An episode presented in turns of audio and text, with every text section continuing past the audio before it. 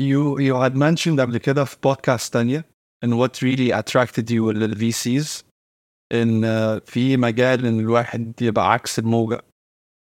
يكون contrarian. We use the example of مثلا لما سو دوت كوم ابتدوا.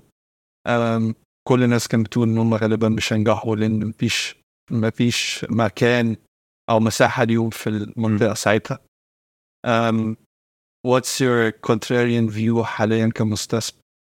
right now Yeah. اوف والله السؤال صعب uh, it's a it's a difficult uh, kind of question I think now the contrarian view is not to be traditionally contrarian right now meaning إذا بترجع لبعد قبل سنتين um, you would see that uh, مثلا there was so much hype in the market even in our markets يعني حتى in, بال, ب, ب, in the Middle East وب, ف what's changed is um, obviously there's been a bit of a drawback يعني من ال من ال capital available in, in our market um, and so actually people are being cautious etc I think we're fast approaching the point where um, the contrarian view is not to be overly cautious but actually start deploying effectively which was the opposite compared to two years ago so I think now is a really interesting time to invest um, because a lot of the silly money plowed into the system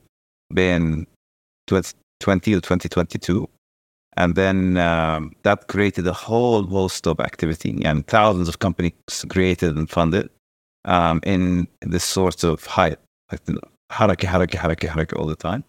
Um, and now we're in the Darwinian phase of, of, of evolution, where you know, basically um, you're going to have this um, um, siphoning of opportunities, meaning that the companies are going to, only the, the strong will survive and adapt and iterate and grow, and a lot will die.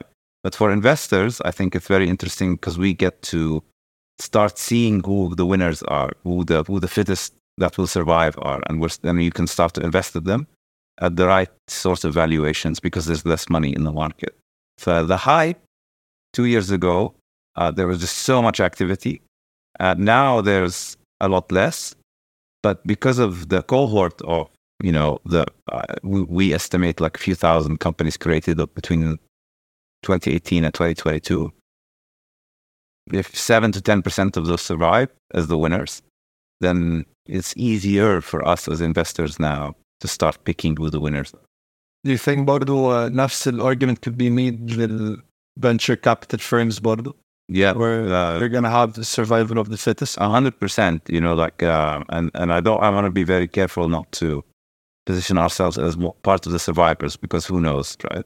But um, I think also similarly, Ben 2018, but in 2019, 2018, bad Souq.com, bad Careem, bad Jahez, uh, the Jahez IPO, you had all this, um, all this capital flowing into the ecosystem from, you know, what you call globally, you'd call them like tourist investors, right? People who've never really been active in the asset class, uh, typically family offices or corporates or um, kind of more traditional um, investors who wanted a piece of the action.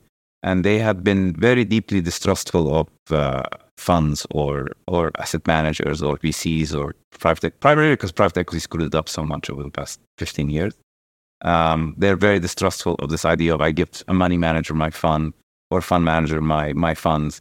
They manage it for me. So they started wanting to do it themselves. So you see, we count there's probably 50, 60 active VCs in the region but the plurality of those are have AUMs under 50 million. And then probably the vast majority have AUMs under 100 million. So there's so many small shops. And slowly, I think, as the market gets tough, when it's no longer just, you know, you put the, you invest in company X and then six months later they raise another round at a, at a double the valuation and then again and again, again. Now, when it, the market is, is difficult and complex and more difficult and complex, shall we say, you actually need to think like an investor.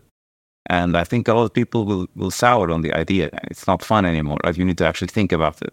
I think it's fun because it's all I've ever done. But like, if you're if you're somebody else, like you, st- it's no longer just like you know throwing money around. You think about it. It's it's a difficult kind of process. It's not just kind of throwing money and the beta just rises.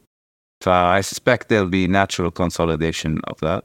I think also um, many VCs in the region really are um, historically, you know, have come from like a lot of family wealth, and that's you know, they this is not they're not driven by anything except I need something to do, and VC becomes like an easy way to kind of bring that together. So um, I think that'll also lead to some some of the kind of smaller shops dying as well. And I think that's natural. You might even see some consolidation, some acquisitions here and there in the space. I suspect. And it, it needs to you need a smaller number of players. And if you compare to Southeast Asia and Ceylon, um, you have a much larger venture industry, but a much smaller number of venture platforms or VC investors. Um, so you have deep fragmentation of investors little concentration really. I think the largest is probably by AUM like 400 million or 350 million. Not massive. صح. It's tiny. و- و- in general ال VCs they sort of invest في نفس المكان اللي هو pre seed seed series A صح. بس مفيش الحتت اللي Exactly, ticket sizes yeah. اللي أكبر which is probably another role that can be played بعد كده Yeah. Yeah. um, especially in uh, within the region we've seen مثلا لما Aramco was being listed they chose انهم عايزين يعملوا جزء منها locally. Yeah. so there you have all of those ex exchanges that are starting to pop up. Um that does make sense in general.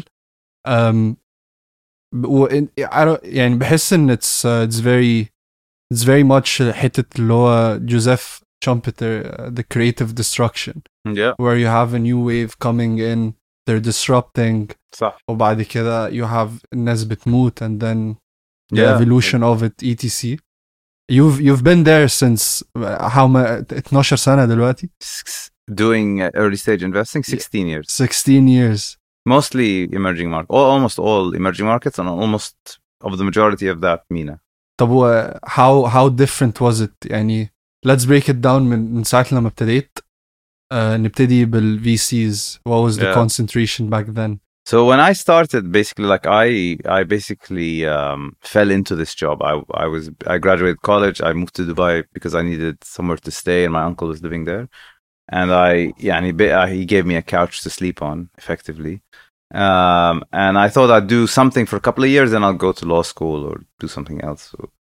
So, um, at the time, I joined a private equity group um, called Dubai International Capital. It doesn't exist anymore. DIC had a subsidiary um, to start the region's first angel um, angel fund or, or seed fund. Let's call it seed fund. Um, and also launch an angel network for high net worth individuals to co-invest with the seed fund to catalyze industry. Ayama, there was like absolutely nothing going on yani, in the market. There was so little. There's nothing, right? There was very little like activity. There was, I think, at the time, I think something like Arabia Online, which was like a content play. I think um, Maktoob existed at the time, which just was had been was the largest probably internet platform in the region. Most likely at that time they owned 30 40% of all kind of internet uh, traffic in the region flow through Maktoob. I'm I'm guessing, I'm trying to remember the numbers. Uh, but besides that there was nothing and so they want to create a more a platform to support entrepreneurs in general, not necessarily tech entrepreneurs. So Walid Hanna, who's the CEO of today, as one of the founders of MEVP, was hired by this group to uh, DIC to set up um, um, this seed fund, very small, twenty-five million dollars. And I joined him. I was second person there. We were a very small team. Second person there. I joined him to um, to help set it up. Uh, and we were looking at investing in all kinds of stuff. You know, it was not necessarily tech related. It was way premature, right? Like way, way, way premature. So the stuff we invested in um, was, um, you, you know, like just didn't, didn't really go anywhere. I didn't. We didn't stay a long time, so I spent a couple of years there, and then he he left and I left. We went in different directions, and he went to set up MVP, and I went to another fund that eventually became what is now Silicon Badia. Um, but yeah, that's the. If I was to characterize the time from the beginning of my career, it's between 2007 to 2012. Really, this was the time of the. It was you had a lot of entrepreneurial activity, primarily located in the Levant and Egypt. So, Jordan was a big epicenter. Beirut, Lebanon, uh, and Cairo. You had a lot of activity there. So that you had some big champions coming out of those countries. So you had companies like uh, Fawry in Egypt, which is probably Oh. the largest kind of tech platform to emerge. Um, there was ITWorx before that, which was more an IT company. So you had that. So that's that. What what the the the rise of great companies like that. Um, that's what kind of creates the entrepreneurial bug. Um, and then out of those companies, you emerged founders doing stuff between 2007 2012. Um, in Jordan, you had Maktoob, which sold and then became uh, Souq, uh, which uh, Souq was an offshoot of it, effectively, um, or incubated within Maktoob. Um, so Jordan had this kind of a lot of activity around primarily, I think, what was going on with Maktoob. And then in Lebanon, you had a whole host of different companies or like a back office there and, and stuff like that. You had a lot of activity there. So that was basically the um, where the hub of entre- entrepreneurial activity was. But there's no purchasing power in those markets. So once you got a bit more validation of the models working, you saw that these com- these founders and these companies were realizing that you can move um, you can move the instead of starting in Jordan or you know Cairo or Beirut. Actually, I can just start in Dubai, and Dubai was emerging as a regional hub and much closer to the large commercial markets where the consumer purchasing power was in the Gulf. And so between 2000 and I would say 12, 13 to 2000 till t- 2018, 19, the entire shift moved to Dubai. Right, the entire entrepreneurial movement um, kind of shifted very aggressively to Dubai. Uh, what, what would you say ال- كان سبب الموضوع ده was مثلا the lack of او مش يعني taxes كانت اقل كتير مثلا No, no, no. what I was think behind it would you I, say I, I think like obviously there's a huge disparity in in in, in the depth of the consumer markets. Yeah, and most of the, the the companies we invest in and the nature of the tech ecosystem is consumer internet. So all of the consumer spends in the Gulf. There's very little consumer spend elsewhere. The only other place is Egypt, but it's يعني محكومة. It's like in this kind of فئة أقل. yeah it's it's a you know it's a it's a smaller population that has that purchasing power. So basically you can attract global talent to somewhere like dubai or in the gulf generally and you have access to yani, the whole gcc out of dubai. And it just became a much easier simpler thing. Plus it it was the regional hq for most multinationals. So that's where you got talent from. That's who you did partnerships with etc etc etc and it created this kind of flywheel ecosystem effect طب وايه تاني ويف بعد 2012 would you say? I think the biggest wave بعديها محكومة بشغلتين I think um, after you know 2018 to 2020 which is really with the exit of Careem which is the largest exit of the region to date really kind of validated uh, the, the, the kind of type of investing and the, and entrepreneurship in the region in general because this was a large outcome. The Souq exit um, for a lot of the late stage investors didn't make much money so they made kind of 1x their money back um, for the later stage, uh, for um, uh, basically validated almost all the investors made a lot of money. There was a wide ESOP pool. So all the ESOP holders made money. So I can't remember the number, but it was something like, I think publicized at the time. There was a hundred, uh, millionaires. the do- hundred dollar hundred dollar millionaires or thousand dirham millionaires i can't remember something like that. But you had all these people who had uh, crystallized some wealth out of the Careem exit and that created a whole kind of positive flywheel for the employees primarily because the people esop now that they had um, made some money out of this type of activity they were never going to go back into where they came from. And remember, Careem, you know, recruited a lot of people from like McKinsey, Bain, um, you know, people who who were at large corporates or had kind of multinational um, consulting experience. These were kind of well-paid professionals. Um, they were a lot of them were never going to go back to um, do that again. They they'd seen how this can work. They loved that kind of environment, and so they started doing businesses. So we can we track over, you know, three four hundred companies um, spun out of Careem effectively. Founders oh. from Careem that have left to kind of set up their own. And then at the same time, the investors all said, okay, so how did we miss this? بس معلش ايه اللي خلى كريم تبقى كريم؟ اشمعنى المرة دي it actually worked out؟ ايه اللي كان مختلف؟ I think timing was awesome. I mean, that, that was very useful. So timing was great. I think it was before the Uber IPO.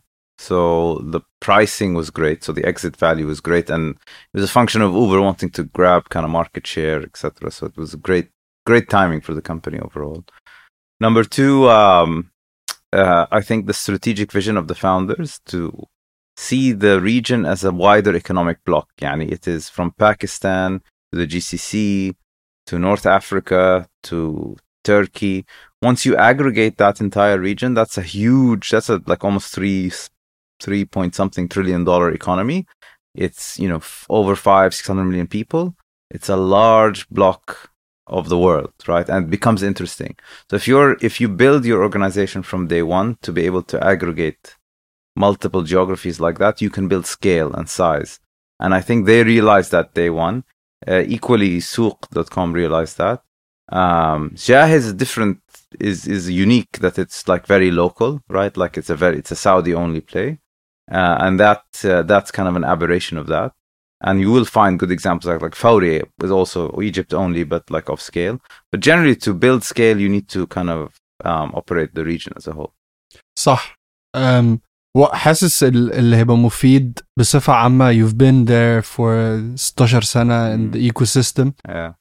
Um, what was the investor appetite like أيام كريم مثلا؟ Yeah. you're saying in they a lot of them missed out on the Yeah. opportunity Uh. what was it like ساعتها what were the anecdotes من الوقت ده Yeah, I mean, we were raising a fund in 2013, and like you know, people see people thought it was funny, and it was like not serious. You know, even up until 2015, 2016, like this idea of like venture, like the first thing you'd get back in the early 2010s was like, you want to raise a venture fund? إحنا we don't, we don't, we don't build companies here. There's no tech. There's no internet connectivity. That was I used to hear that a lot. You know there's not enough people online. How do you create a critical mass? To get enough people online you're going to need to invest billions and billions of dollars in fiber to the home to be able to get uh, high speed internet.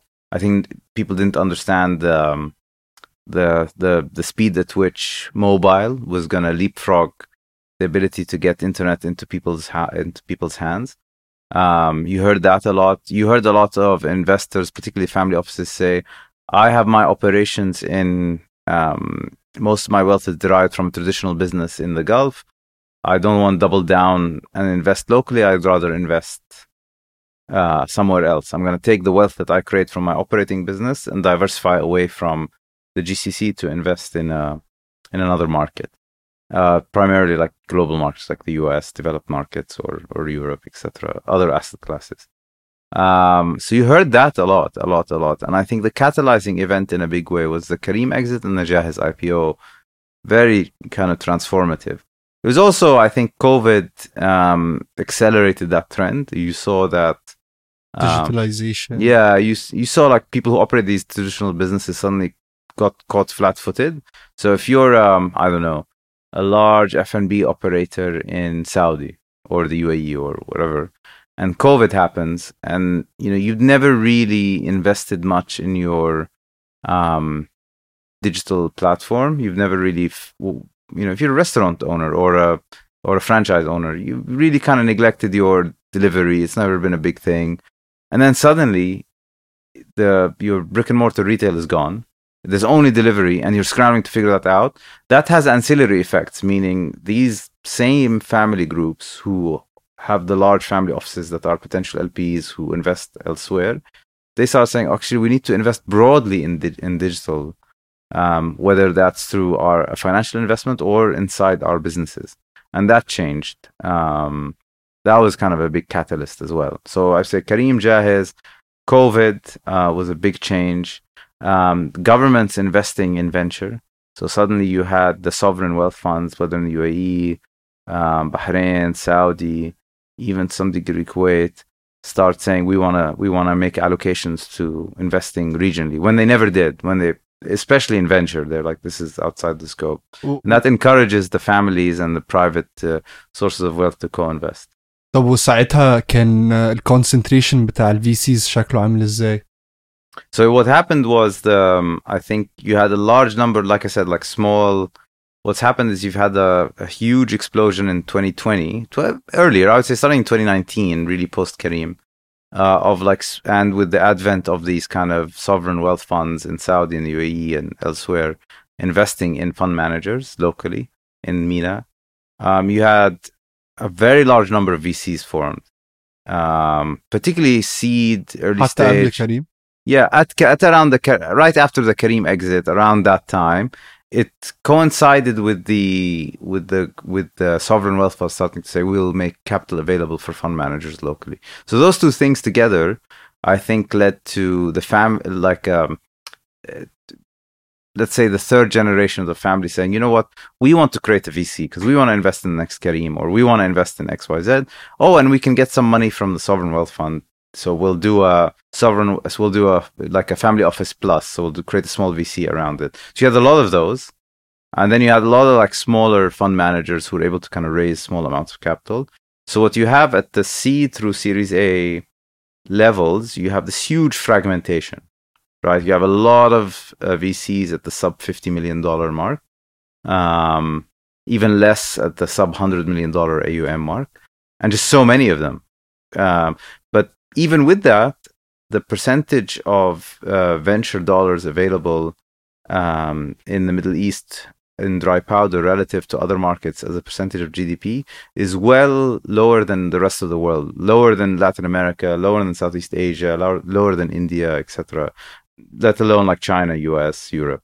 So هل ده عشان اللي كنت بتقوله قبل كده لو ان most of the time it came من family offices I think it's a, وعايزين يطلعوا فلوس بره اكتر ما I هنinvest think it's a natural thing is that the families want to create their own a lot more than in other markets probably rather than like give it to a fund manager so i think that's the driving um, issue the other is because they're sovereign wealth funds that are seeding these managers i think a, a lot of the mandates of the sovereign wealth funds is like let's sprinkle it wide and see who emerges because i don't think they want to um, really back like four fund managers or five because then it, it makes it seem like they're choosing a winner.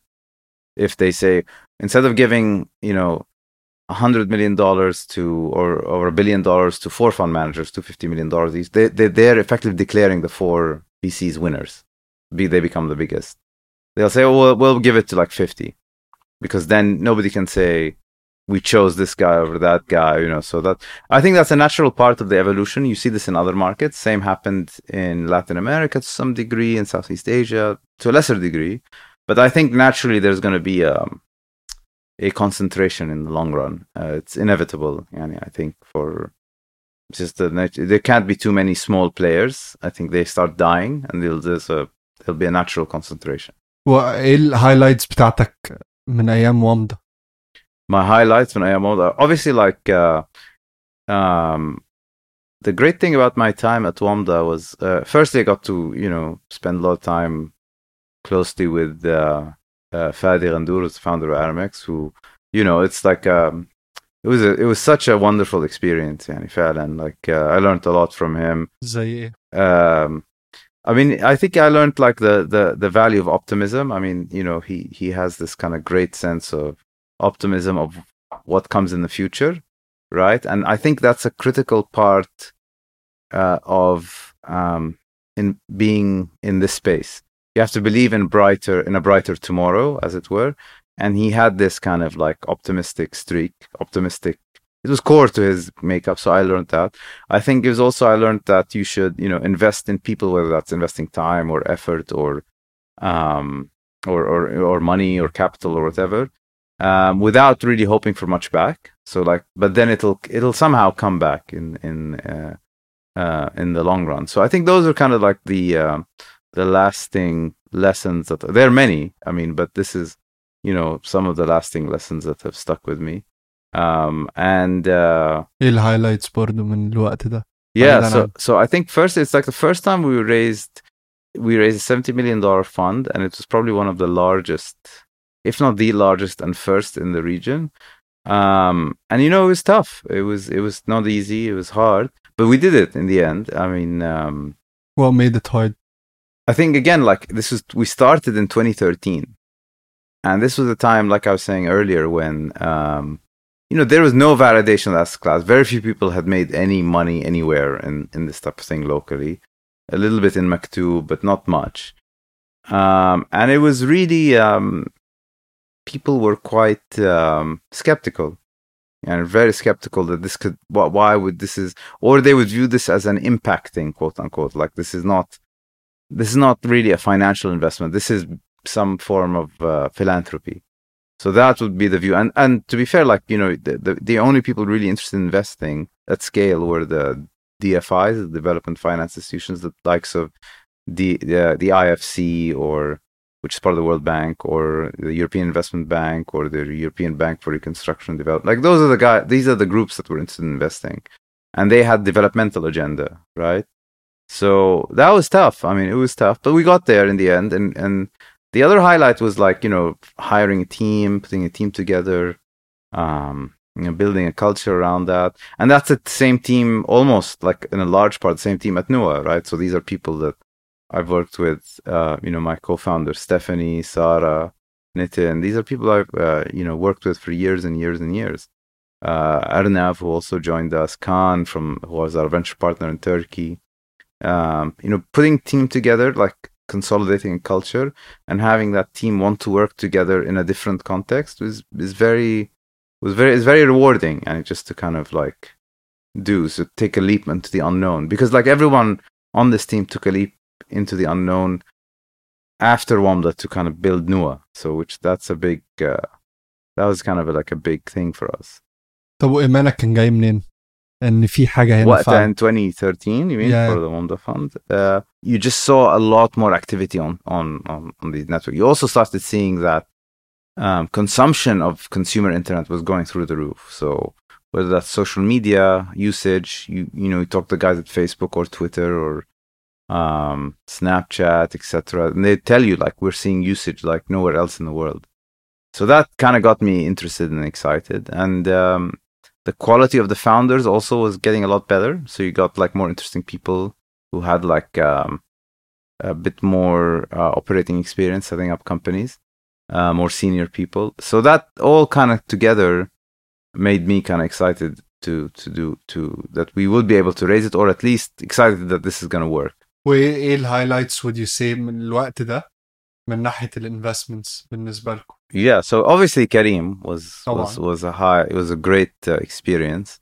Uh, we are uh, we invest in a company called Insider, uh, which is a SaaS company in Turkey.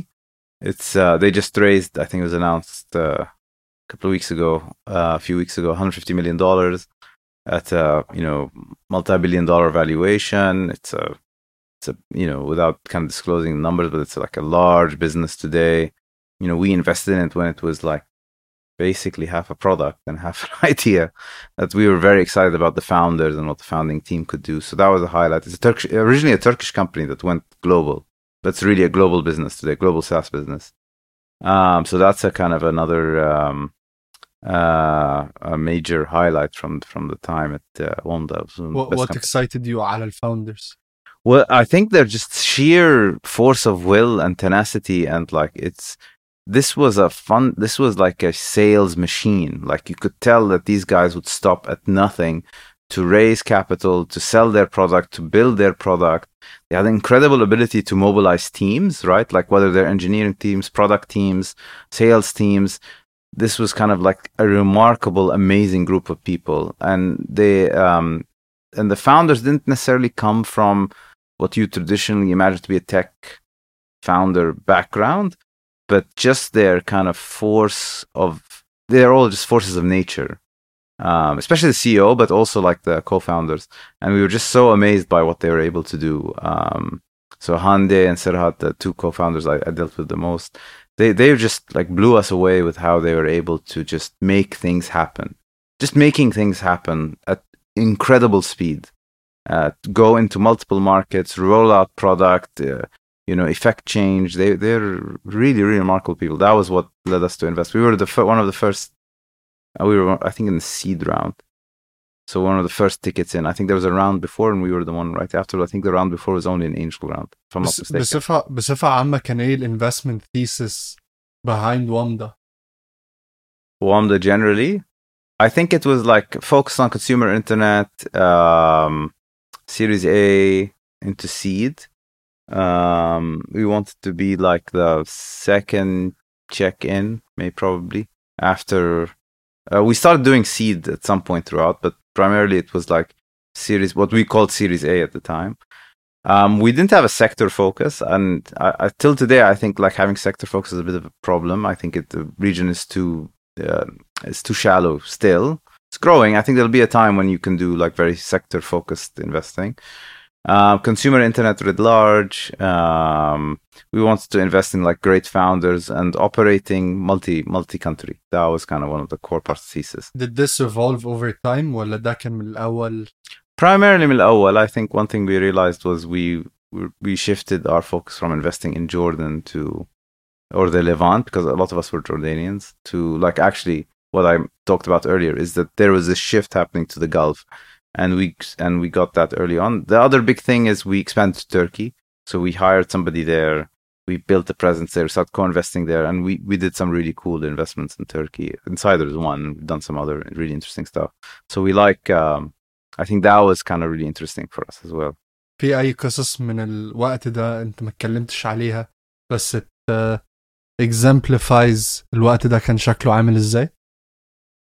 Uh, مش عارف I think uh, اني مثلا اللي هو مثلا how you won deals حاجات زي كده Well, it was a very different time. فيعني uh, you didn't have to win deals.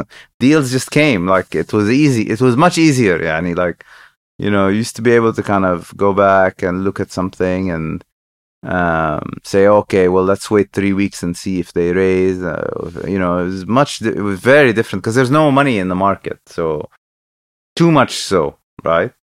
So we it was never competitive environment. يعني so much. Uh, it became so maybe a little bit at the end, but not a lot.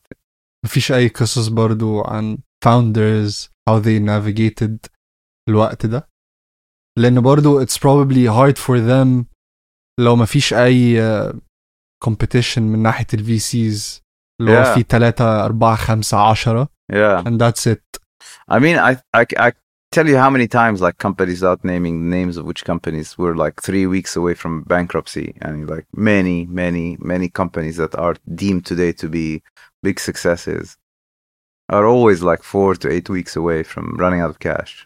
yeah and often, and like really kind of being very um creative in how you kind of control your costs and um uh, you know find a way to raise more money. Like there's you know it's it's much more of a grind. It's not it's not glamorous. And i think that was lost a bit between 2019 2020 to 2022 when money was abundant. And and i think you you had this loss of focus on efficiency on the grind you know on how to kind of really make something happen how to survive uh, for both the founders and the investors to be fair. Um, but I think that's coming back now. Not to the same degree because now the market's more mature. But you know, you have to respect all the founders that were able to, you know, survive in in, a, in an environment where there's so little capital available, where it's much harder to be taken seriously if your you know if your business is, is requires partnerships with corporates and um, you need governments to regulate you. It was a much harder time.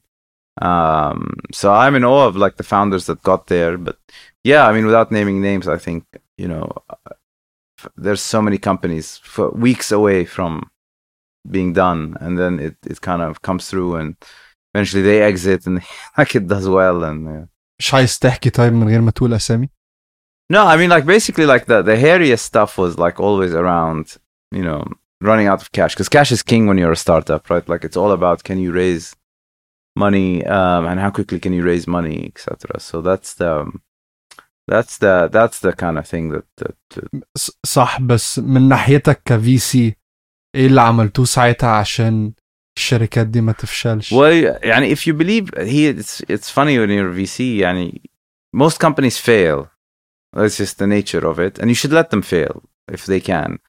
But if you think that something has a bigger opportunity out there, then you should probably find a way to get it funded, convince others to to invest, co-invest with you.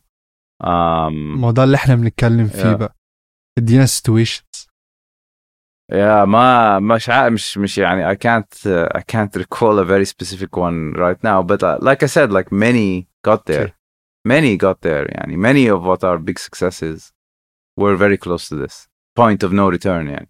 طب ونروح لنوا um, how did your time في WAMDA inform your investment thesis Yeah. So I think as uh, a team Yeah, so we um, obviously a lot of us were there together, um, Biwamda. So we left to set up Nuwa on the back of that. Um, so we had as a group myself, Sarah, Stephanie, Nitin, Arnav, Khan, etc. We've uh, we've been together a long time, and there is a kind of similarity in thought which is dangerous, good, but it's also like we're just too too similar in a, in a way. So we saw the same all changes. contrarians Yeah, no, يعني, uh, so we're not, uh, we're all like um, pushing in the right direction. So it's always good when you get a few new people who kind of are different and, and really shake it up a little bit. ف, um, we also, يعني, I think our biggest thing was between 2020 and 2022, that time when, you know, the, it was in major hype mode يعني, in the region. we just raised our fund, or, we had a first close on our fund, and we had cash, and we, you know, it was 2021. So we went through a period when, you know, we left to set up Nuwa. COVID happened. It's like, oh, damn, what a terrible idea. Why did we leave our jobs? Or why did we think we could do this rather؟ كنت حكيت إن في أسبوعين كده عطت question فيهم Yeah, أكتر من أسبوعين. I think there was شهرين I think it was two months when it was uh, يعني dark times يعني for me يعني I think Sarah or Stephanie less so much less so me I was much more worried um, but then the markets rebounded and you know the rest is history we, we raised most of the money and so we, we we had a business so we did the first close 2021 and suddenly we you know we're de- we have money we can deploy not a small amount you know more than we had at Wamda, right? Like, so I felt like we had cash, right?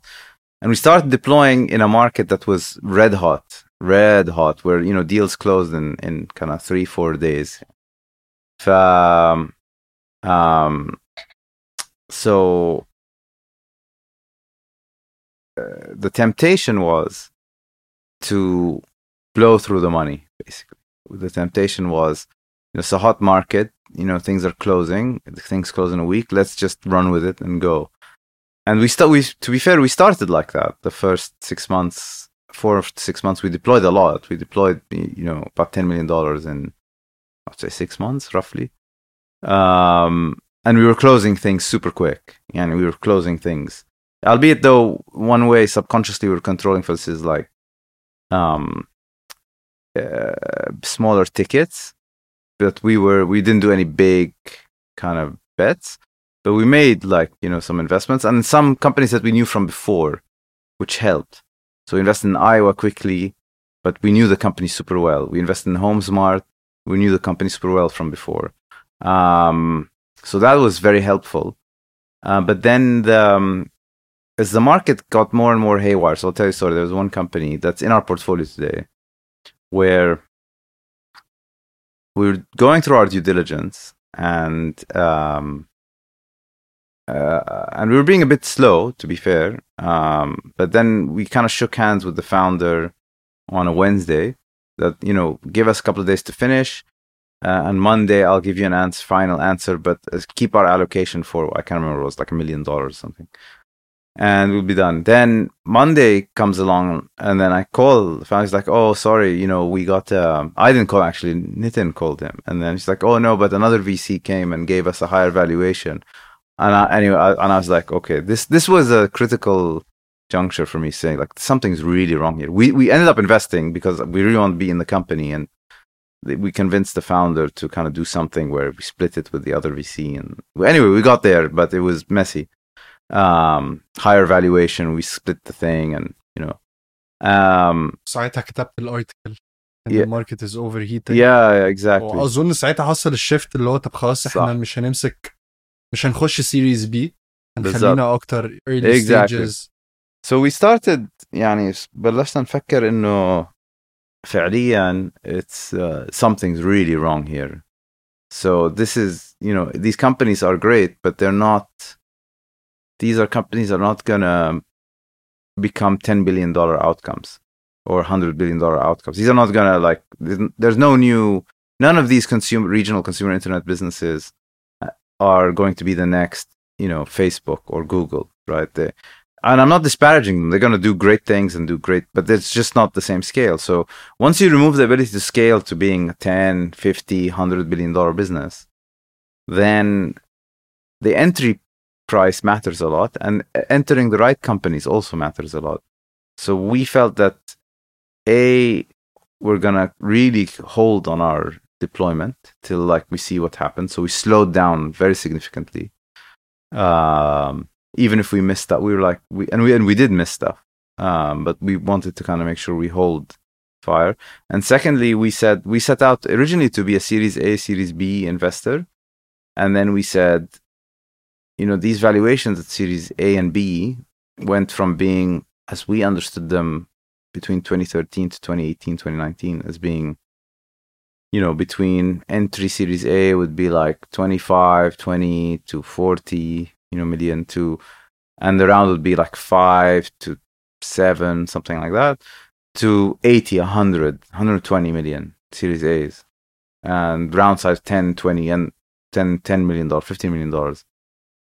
And then the larger rounds, 180, 200. We, we just couldn't under, and it was all like GMV driven where it's like, a lot of the big rounds were driven by um, you know high high volume low margin businesses that never really made money and the first warning sign for this was before covid which was uber if you remember the uber ipo never lived up to its expectations because the market said this is way before anything right before covid before all of this said you know your, your the transaction volume is high, but the revenue is low. You're not making much margin. You're not making much take rate, and you're subsidizing it in a big way. And I think um, that lesson was learned, or we learned it because we were close to. We saw Uber relative to Careem because of the acquisition, um, and so we said, you know, we we don't want to do any of these like high uh, volume, low margin businesses. Um, and you know these big valuations paid for them don't make sense. And you know generally these high valuations we think don't make sense because if you just benchmark the size of what these companies can get to relative to their western or global peers even in the best of times they're a fraction of the value.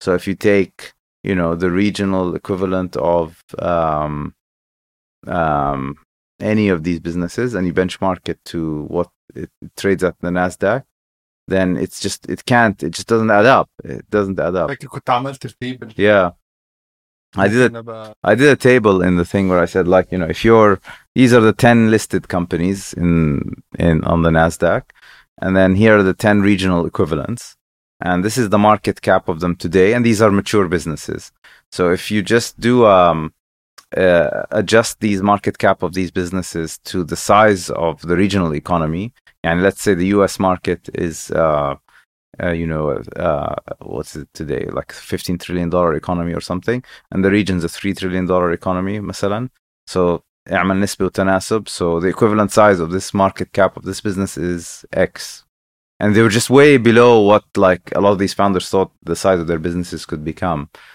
uh, it's a very crude way of doing it but it was the only way you could kind of really think about it and that made us really kind of pause and say look you know it's just you know, market's on fire. We can't this no we're not going to make money like this or we're going to end up in a in a serious problem. So we did two things. Like i said we we we halted or we kind of really reduced our investment activity.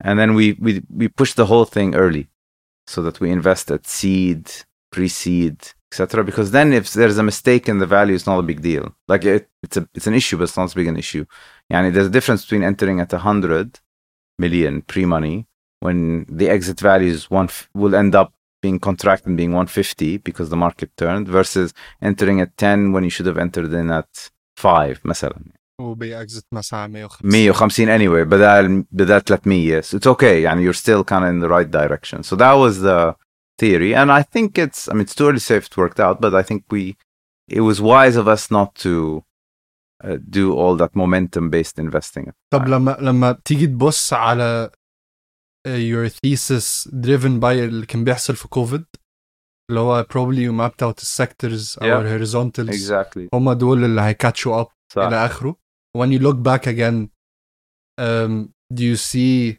your um, thesis realized ولا في sectors صدموك So, اكتر من Some التانيين things. I think the Jahiz, um, so Jahiz IPO and its continued high market cap صدمني فعلا. Like I was very surprised by that. And its unit economics, which are great, by the way. They're public, obviously. So they're, they you know, very profitable business, very healthy margins, probably some of the best in the world for, uh, for delivery, for aggregator type of business, if not the best in the world. Um, and I was surprised that held up and the market cap held up and the multiples held up. That was a big surprise because one of our takeaways from our thesis on food tech, Masalan, was that the aggregator INSA instead, you know, it's focused on like vertical integration um, uh, to create new brands that are delivery only around the theme. And that's how we ended up investing in Calo, for example, subscription business. Um, and that was an outcome of the thesis. But the thesis also would have said like, you know, aggregators, very busy space. There's, the, you know, you have all the delivery hero assets, you have others. It's, you know, it's tough to do. No room for more growth there. Um, so that was that was a miss, yani, for sure. Um, بصفة بصفة عامة ايه رأيك في ال في الفيو او الرأي ان ساس في الميدل ايست مش احسن موديل او still it doesn't make sense لان مفيش ال purchasing power الكافية ان الموضوع يمشي problem with SaaS in the Middle East is uh, yeah the market's not big enough لعدة أسباب أولا SaaS um, is primarily tar- is a B2B business right so it's targeting mid to large size corporates um, the DNA of a lot of regional corporates are family owned retail groups trading groups meaning a lot of the largest يعني if you think of الفطيم بالإمارات الحكير um, uh, الشايع بالكويت etc. These are the largest corp quote unquote privately owned corporates in the region. So, um, they tend to be family owned, um, non producing businesses, meaning they don't really make anything. They just um, s- are local agents for something. So either brands, fashion brands, food brands, etc., etc. And there aren't that many of them. Uh, so you don't, uh, and and these these businesses are extremely conservative by nature because they don't really have to make anything or innovate anything. Or they just ha- they just have to trade. Um, and so their adoption of new SaaS, especially a regional SaaS, is very low. Like they they don't see it unless till it's really kind of imperative. We saw this with Insider. So these some of these groups I mentioned like would adopt Insider, for example.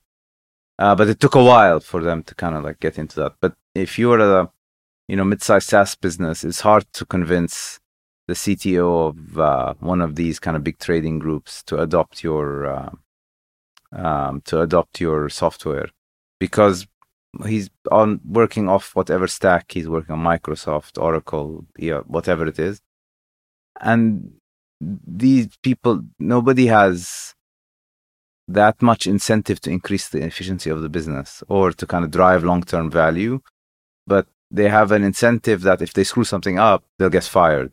So the way they a lot of these middle management and senior management are incentivized inside these corporates is um, around kind of annual bonuses. They have no equity. These are all family owned. Uh, they're not pub- most are not public. And their their kind of focus is and they're usually overcompensated in salary and less on incentive. طب and so there's no incentive for them to uh to adopt actually. like to adopt to kind of change the way there's no what's the point you know like you know mana i get paid x every month really i mean i'm i'm really reducing it to something very simple but if you look at organizational behavior I that's it. So and then there aren't that many so there's not that much for SaaS to get adopted right? Which is a shame. Thirdly there isn't also engineering talent at the same level like somewhere like turkey or other markets. So you see a lot of SaaS companies come out of turkey and they focus on the european market. Um, طب and- ايه الحاجات اللي تخليك تنفست في ساس بزنس despite كل اللي انت بتقوله ده So we invest in SaaS business. We don't invest in many, but we invest in SaaS companies that have a um, a non-regional component, meaning their target market is beyond the region. Um, and there are few of them. There aren't many to do like that. But if there is one, we would look at it that was is within our geographic mandate, but is focused on growing outside of the region. We do it, and mostly it comes out of Turkey. Mostly, not purely, but a lot of the times it comes out of Turkey.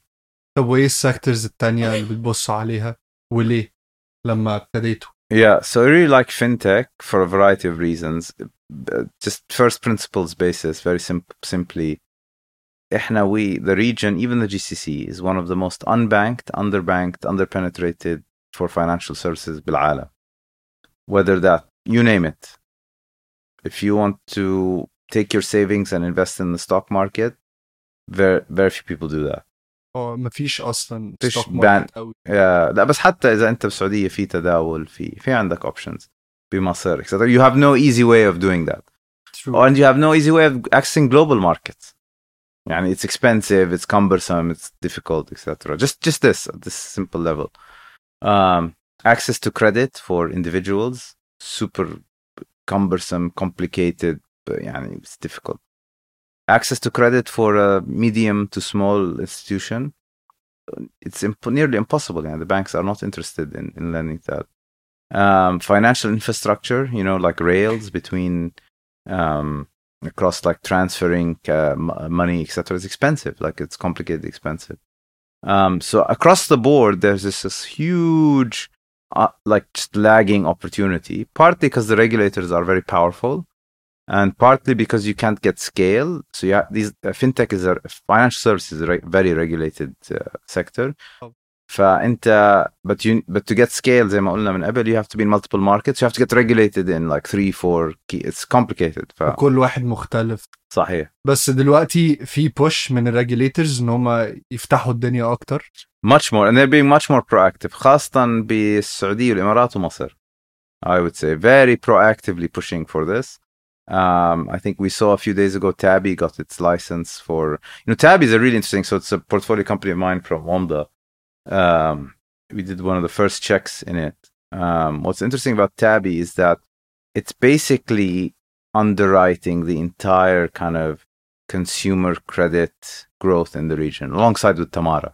And those two companies are just you know laying bare how much the banks had left money on the table basically. They just kind of because they were sclerotic and they're managed a certain way and because they're you know from a different uh, uh, approach. Um, they just left you know billions of dollars on the table basically of like consumer credit that they're just not interested in taking they know how to kind of get not worth their time too small etc um, and you know these companies like Tabby and Tamara leading the charge in in building that وبعيدا عن فنتك ايه الحاجات التانية اللي بتبص عليها حاليا what we like is like uh, اكشلي قبل ما ما. نخش في السيكتورز الباقيه ماشي الريجوليتورز دلوقتي في ماشيين في الطريق الصح إيه اللي محتاج يتعمل لسه عشان نوصل للنضوج في في الفinTech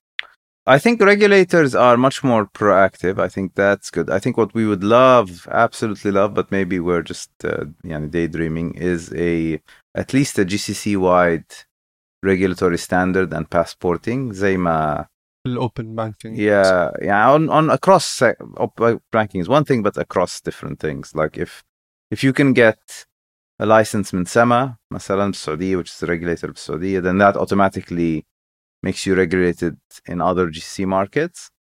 That would be a, a blessing.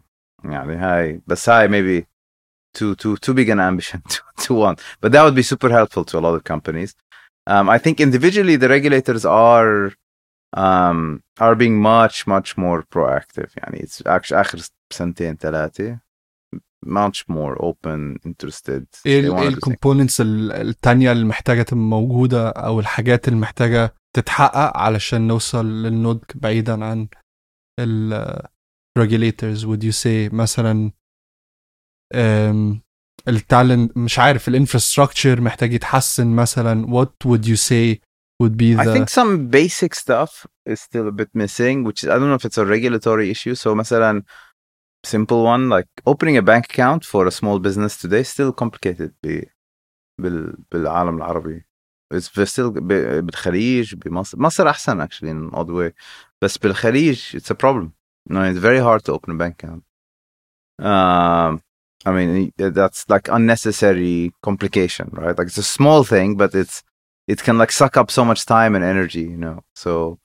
um, I think that stuff like that. Um, but I, I, have to say it's gotten a lot better. Akhir Kamsani, so I think it's a good place to move to the next direction. I think speed of getting regulated. So ba- basically, if you're going to come up with a regulatory standard, be great if the regulators accelerate. So they, they, you know, the time they take to once you put in an application for licensing for something is still quite slow. You can take up to years, six months, whatever. I mean, acceleration on that would would mat would be great. Um, the good thing is a lot of them have these of sandboxes which allow you to operate in the interim. But I think speed of getting from that to kind of fully fledged licensing, I think speed is, is of, of the essence for sure. Um, I think they're doing a good job in clarity, right? Of like creating clarity over um, what the licensing regime requires. Uh, I think, you know, in some ways better than uh, than the US. Like you saw, like the SEC with Coinbase, مثلا. So, you know, بالإمارات وبالسعودية, I think they're much better at that. So they're much better at saying this is the standard, this is the license, this is what we're doing, this is what we're not doing.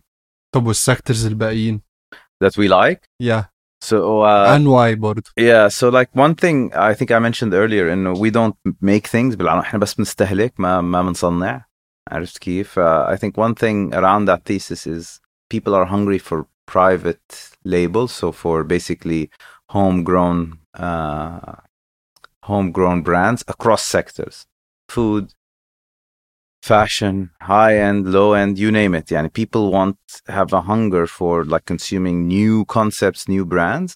And that explains why things like in our portfolio, like Eyewa has done so well, why Homzmart in Egypt has done so incredibly well. Then even outside our portfolio, things like um, Calo also is a form of that in the food space.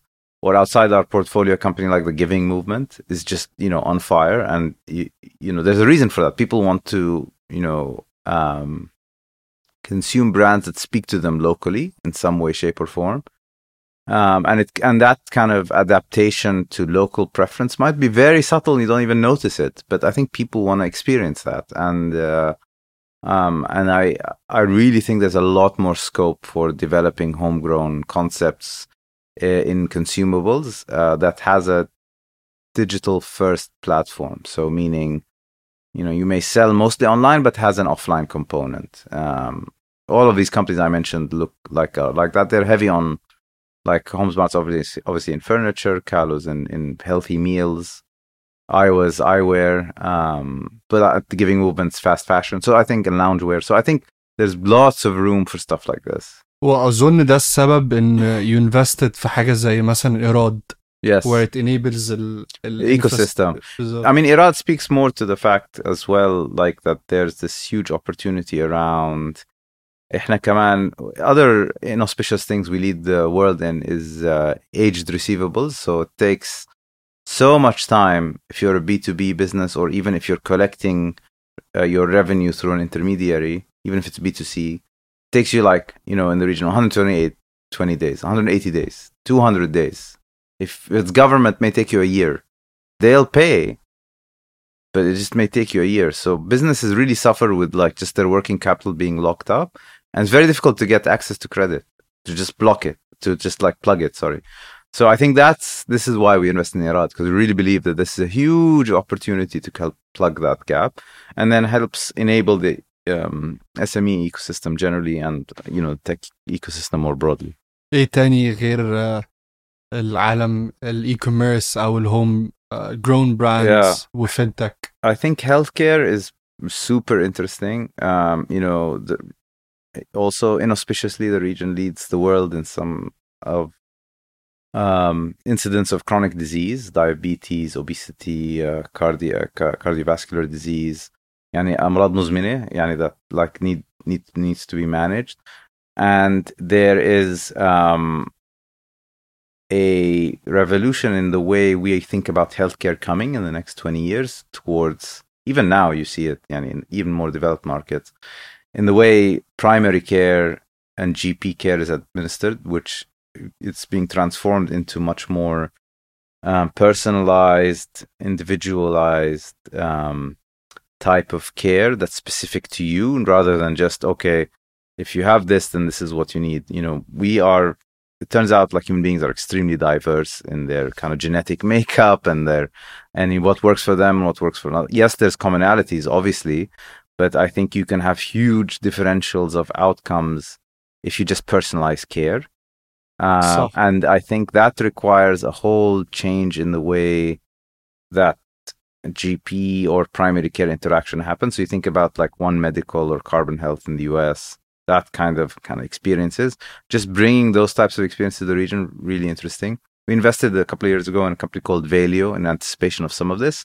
So Valeo, what they do is like um, they you get um, you can do your blood work at home or in the office or whatever, and then you get um, a review from um, I think a nutritionist from uh, as to what's what's you know what what may be wrong with your um, makeup. And then what they'll do is they recommend specific supplements compared to your um, to relative to your blood work, and you can continue to maintain it. So every two weeks, you or a month. So I do it every month, and I see what's what's going on. So I tried an all red meat diet, مثلا.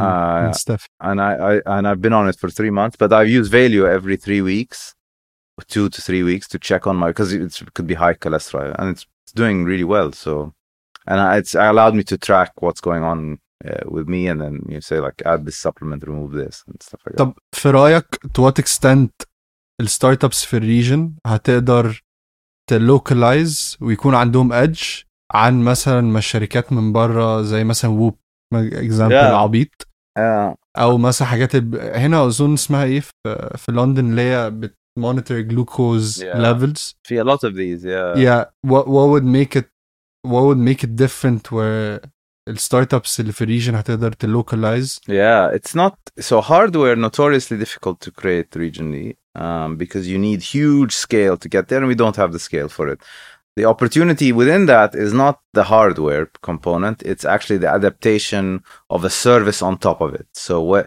so i'll give you an example so Calo for example uh, does healthy meals they could take the data from the wearables and you know build a meal plan around or Valeo could based on your wearables wearables data synthesize the right supplements you need and the blood tests you need to kind of keep on doing so stuff like that i think that's it's where there's a local service provision that has an, a local adaptation and local idiosyncrasy. I think that is the path towards um, uh, for local companies, not hardware as such. If you can manufacture the hardware easily and simply, and it's ancillary to the business, meaning it's just an addition, it's not the core business, I think that can work. But hardware generally very notoriously hard to kind of get scale in the region for just a regional product. It has to be global.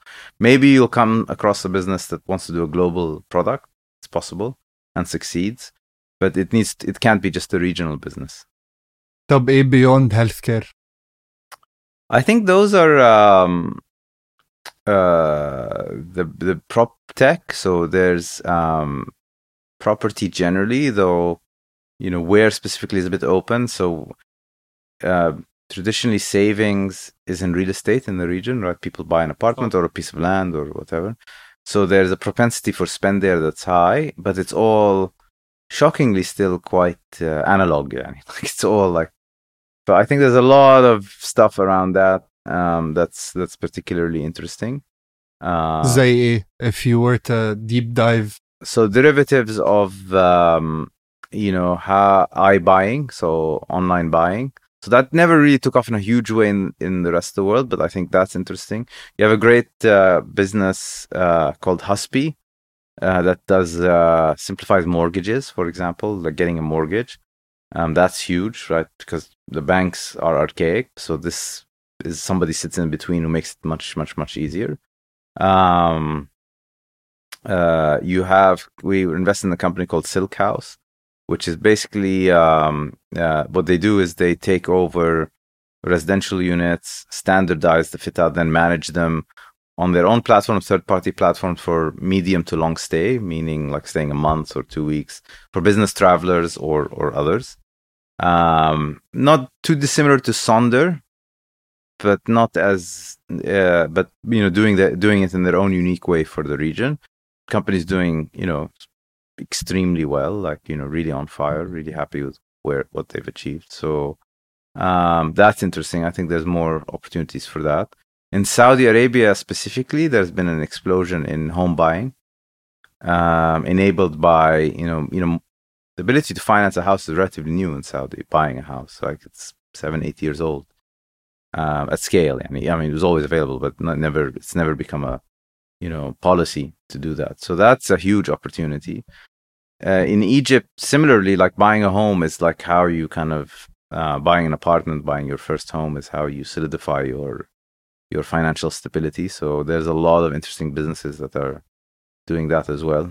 Um, so that's interesting. I, I, would be remiss if I don't do a shout out to um, outside of property, but around this theme of like uh, uh, you know accumulating asset base. Uh, Sylndr, which is a company we invested in Egypt, really incredible founder, um, has been able to take a half an idea and really scale it to a quite a sizable business today um, uh, and really do it in a very very smart way so um, really happy with that uh, uh, with that business but that's around a different theme of um, fintech slash marketplace that kind of combines different sectors so you'll see we're in a lot of companies that combine multiple segments they're not kind of they don't fit neatly in a sector بالذات كمان زي ما انت كنت بتقول قبل كده ان الريجن مش ماتشور كفايه ان صح المارجن صغيره so it has to be more horizontal yeah at times عشان نقدر ن... صح انا I, I'm also like a big believer in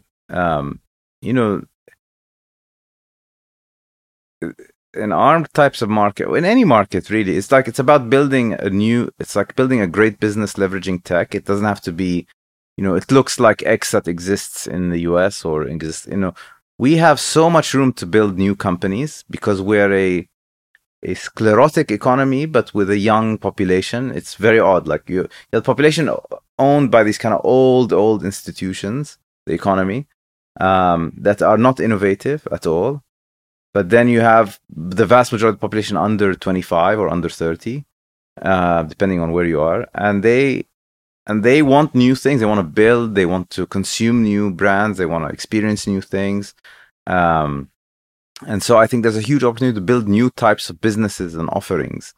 And they don't have to look like your traditional tech company but they need to leverage technology and a digital platform to be scaled. And i think that's what's super interesting you know like that's the the, the area to play in yeah I mean, let's not i think um, uh, really focus or you know um, obsess about it uh, quote unquote tech company or not tech company. I don't think that matters. I think it matters that it's a scalable business model in a that has positive unit economics or a path to positive unit economics. That's what matters. طب بالنسبة لك when when do you think a founder should start looking at the unit economics? Day one, even before they start. They should always think about it. Like it has to be real. It's not about you don't have to be profitable on unit economic risk, but you have to understand the path towards positive unit economics. So often people say like, "Well, figure it out later," or they'll say stuff like, you know, like B two B marketplaces, like uh, FMCG marketplaces, say like you know very thin negative margins in some in real in real cases net of subsidy. Say, well, we'll add financing later, we'll do this later, we'll do increase the margin. Sometimes that's real. Sometimes it's just um, heck, and it's just not not really fully thought out. But like I would say, you know, you make you can create huge volumes if you have no margin because you're giving away your product for free, basically. Um, unless you have a real path towards generating good unit economics, then you, you don't have really a business. It's not a business. It's a it's a it's a you know VC funded philanthropy يعني for somebody for the consumers. واظن دلوقتي في الوقت اللي احنا فيه yeah. اكتر من اي وقت محدش هيرضى بكده مش هيحصل او يا رب ما يحصلش نفس اللي كان بيحصل مع وي ورك مثلا اللي هو yeah. يلا بينا فري ماني I mean, WeWork is a, a good example. Like the thing is, this is how I, I like to think about it, which is that your margin, which uh, unit economics is a derivative of, your margin is basically i- indicative of how much the end client, whoever it is, B2B, B2C, doesn't matter, the end client values your specific offering. If it's very low, it means they don't care so much about your offering. There's high substitute, there's the high ability to substitute, or it's available elsewhere, or you know whatever the reason is. Um, that means they don't value you so much.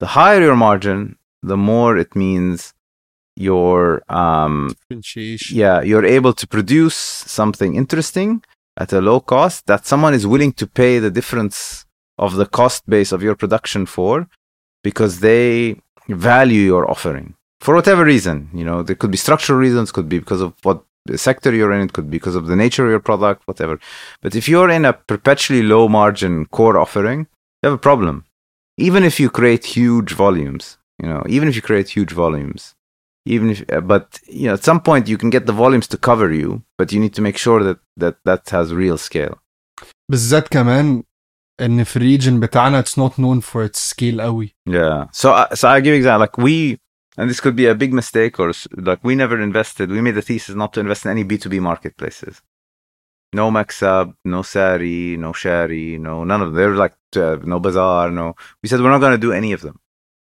There may be a winner that emerges from that. Uh, I, I I can see a winner emerging from that. Uh, but it was just too hard to figure out how is this is going to work with that kind of margin structure. At the time, with like high, you know, uh, when when capital was available everywhere, I'm like, are you crazy? Like this has like a billion GMV, and like you know, just put some money in. And I was like, well, I, it's like taking like a one percent margin. And if in real, when you add in the subsidy, you add in, you add in, it becomes like negative two, negative three, or one, two, three percent. You just couldn't wrap our head around it. بالذات كمان في البيزنس اللي انت قلت عليها ال ال الفلوس اللي محتاجينها is insane the capital needed yeah, exactly. مش yeah. Couldn't couldn't understand. Uh, again, I think one will work there. There is one or two that I think will will survive and do well and like will be great. But I think it's going to be a long journey to get there. And as you said, yeah, it'll require a ton of capital to get there. Already, I think a lot of these companies have raised so much money that you know there's they've got a long kind of you know growth ahead of them. survival of the fittest تاني Yeah, yeah, exactly, exactly that. هي هي برضه. Yeah. keeps on uh, coming happening. back. It's a Darwi- Darwinian at its core. Yeah.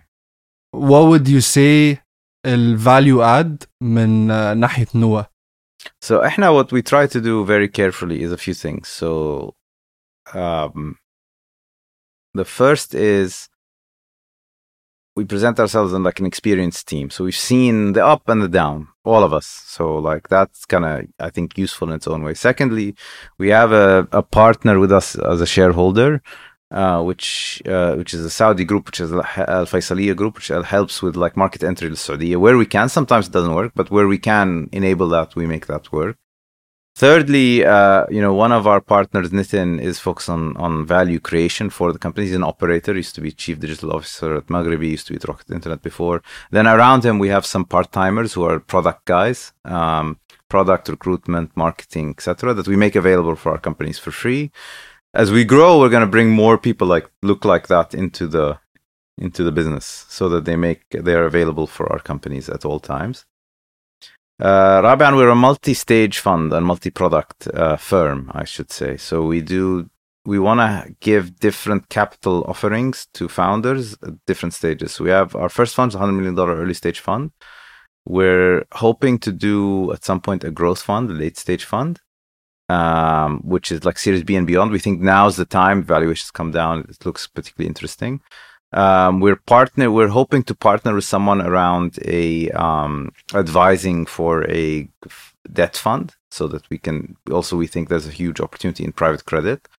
We also want to do different things. Eventually, we might do a thematic fund, etc. But the idea is we want to be at. We want to be able to be a solution provider to founders at each stage of their development in different ways: early stage, growth, debt but we also want to give those solutions to our LPs as well. Meaning, you want early exposure, here's some growth exposure, etc. But then other stuff as well, and we have we're constantly thinking about different permutations of what we can do. Um, so the combination of these things, experience, uh, Saudi like Saudi market entry, I should say presence in every market. So we're in Egypt, uh, Saudi, UAE, Turkey, the markets we operate in. We have boots on the ground everywhere. That's kind of critical Multi-product, multi multi-capital stack, meaning we can offer something to somebody at every stage. Hopefully, we're not there yet, but we're hoping to be able to do that. And um, uh, and the value creation component I mentioned, where we have this kind of operating partner. I think that's the kind of the combination of that is what makes it happen. ايه اللي هيخليكم تخشوا في حته الجروث فند I think we think now as, the as the market matures, like I said, you had thousands of companies funded, uh, primarily at the early stage. If you take a normal graduation rate of five to seven percent of those companies, you have, we think, a five to eight billion dollar opportunity of great companies that need to be funded at Series B and C. Um, and now that valuation is coming down and there's less capital in the market, we think there's a huge opportunity there. By by growth, we mean really tickets of 10 to 30 million dollars on average. Uh, series B one or two rounds before exit. ده في الريجن مش موجود قوي لا. آه ليه؟ I think it's just um, uh, you'll have within funds a few larger funds that of the larger funds they'll have a multi-stage approach where they they can come in early at like seed-ish one two three million dollars then go up to ten million dollars they kind of stop there but they try to do too much in one um, because the market's nascent it's still early so it still creates opportunities like this that are early dedicated funds um, it's just not it hasn't been there yet yani, for now it's maturing where you have we think we'll have the critical mass of companies and capital requirements to to absorb funds like this. I think there's room to absorb four or five funds like this. طب سؤال بصفة عامة um, if you agree to this احنا مش احسن region in terms of scaling البلاد كلها كريم is probably uh, one of the exceptions Yeah. um, which doesn't really help the case of growth funds لأن inherently you need to have a huge market for صحيح. this what are the things you would say that would need to happen عشان نقدر نمشي في الدايركشن الفاوندرز from day zero are looking to expand على I- طول Uh, and I think just like founders should be cognizant, you know, I know we are human beings are products. Even the most sophisticated, um, thoughtful operators are are basically creatures of their environment. So you are indirectly very much influenced by what's around you. So if you're sitting in Cairo or you're sitting in Saudi or in Riyadh or you're sitting in Dubai, you think the world ends there, right? Like it's really important. I think that's what went wrong with the Jordanian ecosystem. They just come, couldn't scale to other regions. Um, so I think it's very important to counterintuitively think outside of your border. Day one, even if your market seems big, حتى للfounders السعوديين, which is the largest consumer market in the region. Even for them, they should think, yes, I must conquer Saudi, but I must conquer the UAE and the rest of the Gulf, and I must conquer maybe even Egypt if my product works for Egypt, بس- and then elsewhere. ليه ليه- ليه الموضوع لحد دلوقتي صعب بالنسبه لهم يعني حتى لو انا عندي المشيئه ان انا عايز من من اول يوم اطلع بره ايه الحاجات اللي بتقف قصادهم وايه I الحاجات think اللي just ممكن يعملوها focus. It's just focus. It's just having perspective and focus and continuously thinking I need resources in these other markets. You can't do it. You can't serve Riyadh وانت قاعد بدبي. صح. You know, as my uh, my chairman always says, you can't. Uh, what does he say? You can't like. Uh, uh, you you can't address the needs of like uh, people in Saudi وانت قاعد على Jumeirah Beach. You just can't.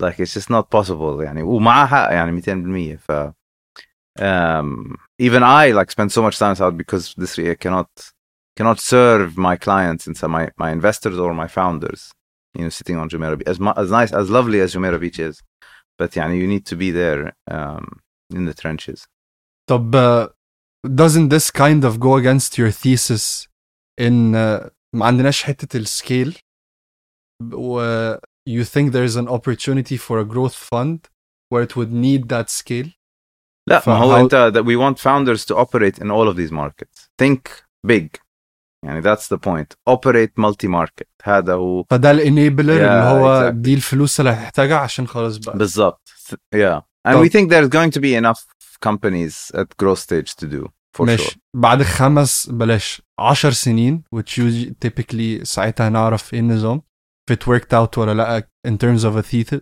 thesis if it doesn't ايه الحاجات اللي ساعتها ممكن تكون حصلت looking back بعد 10 سنين for us or for the market for for for your thesis and this is if we do this هنقدر ن- there is space for a Mm. growth fund here Bro, I think what could go wrong is the يعني يصير في fra- geographic fragmentation very hard it because cross border movement becomes harder meaning if you have a business be, be, be country X you cannot becomes much harder to operate in country Y it's possible because there is uh, geopolitical competition right and uh, you don't have the equivalent of like the EU or you know how the US you you move across states it's easy so that could happen I think that's a worry yani like in in that respect um yeah that's that's one thing I always worry about فال it's more geopolitical عن ما هو ان ما It's فيش اي geopolitical yeah I think or or like you know there's too much fo- focus becomes very local rather than regional could happen yeah. بس اظن you're احنا done كده خلصنا خلاص قبل ما عظيم. يطردونا من الاوضه برضه yeah آه، perfect thank you تقريباً very 10 much دقايق.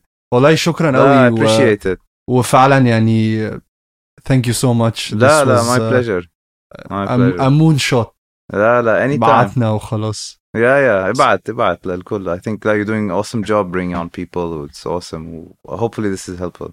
آه، آه، 100% وان شاء آه. الله يعني نشوف الموضوع هيروح لفين إن شاء الله. at the core of everything we're trying to do is to help out the ecosystem um, and fill in the gaps of knowledge um, وعشان كده بنجيب الناس be a platform للناس ان هي تتكلم عظيم. ان شاء Awesome. الله خير إن شاء الله. Thank you so much. Thank Thank, you, you. Muhammad. Thank you. thank you Take care.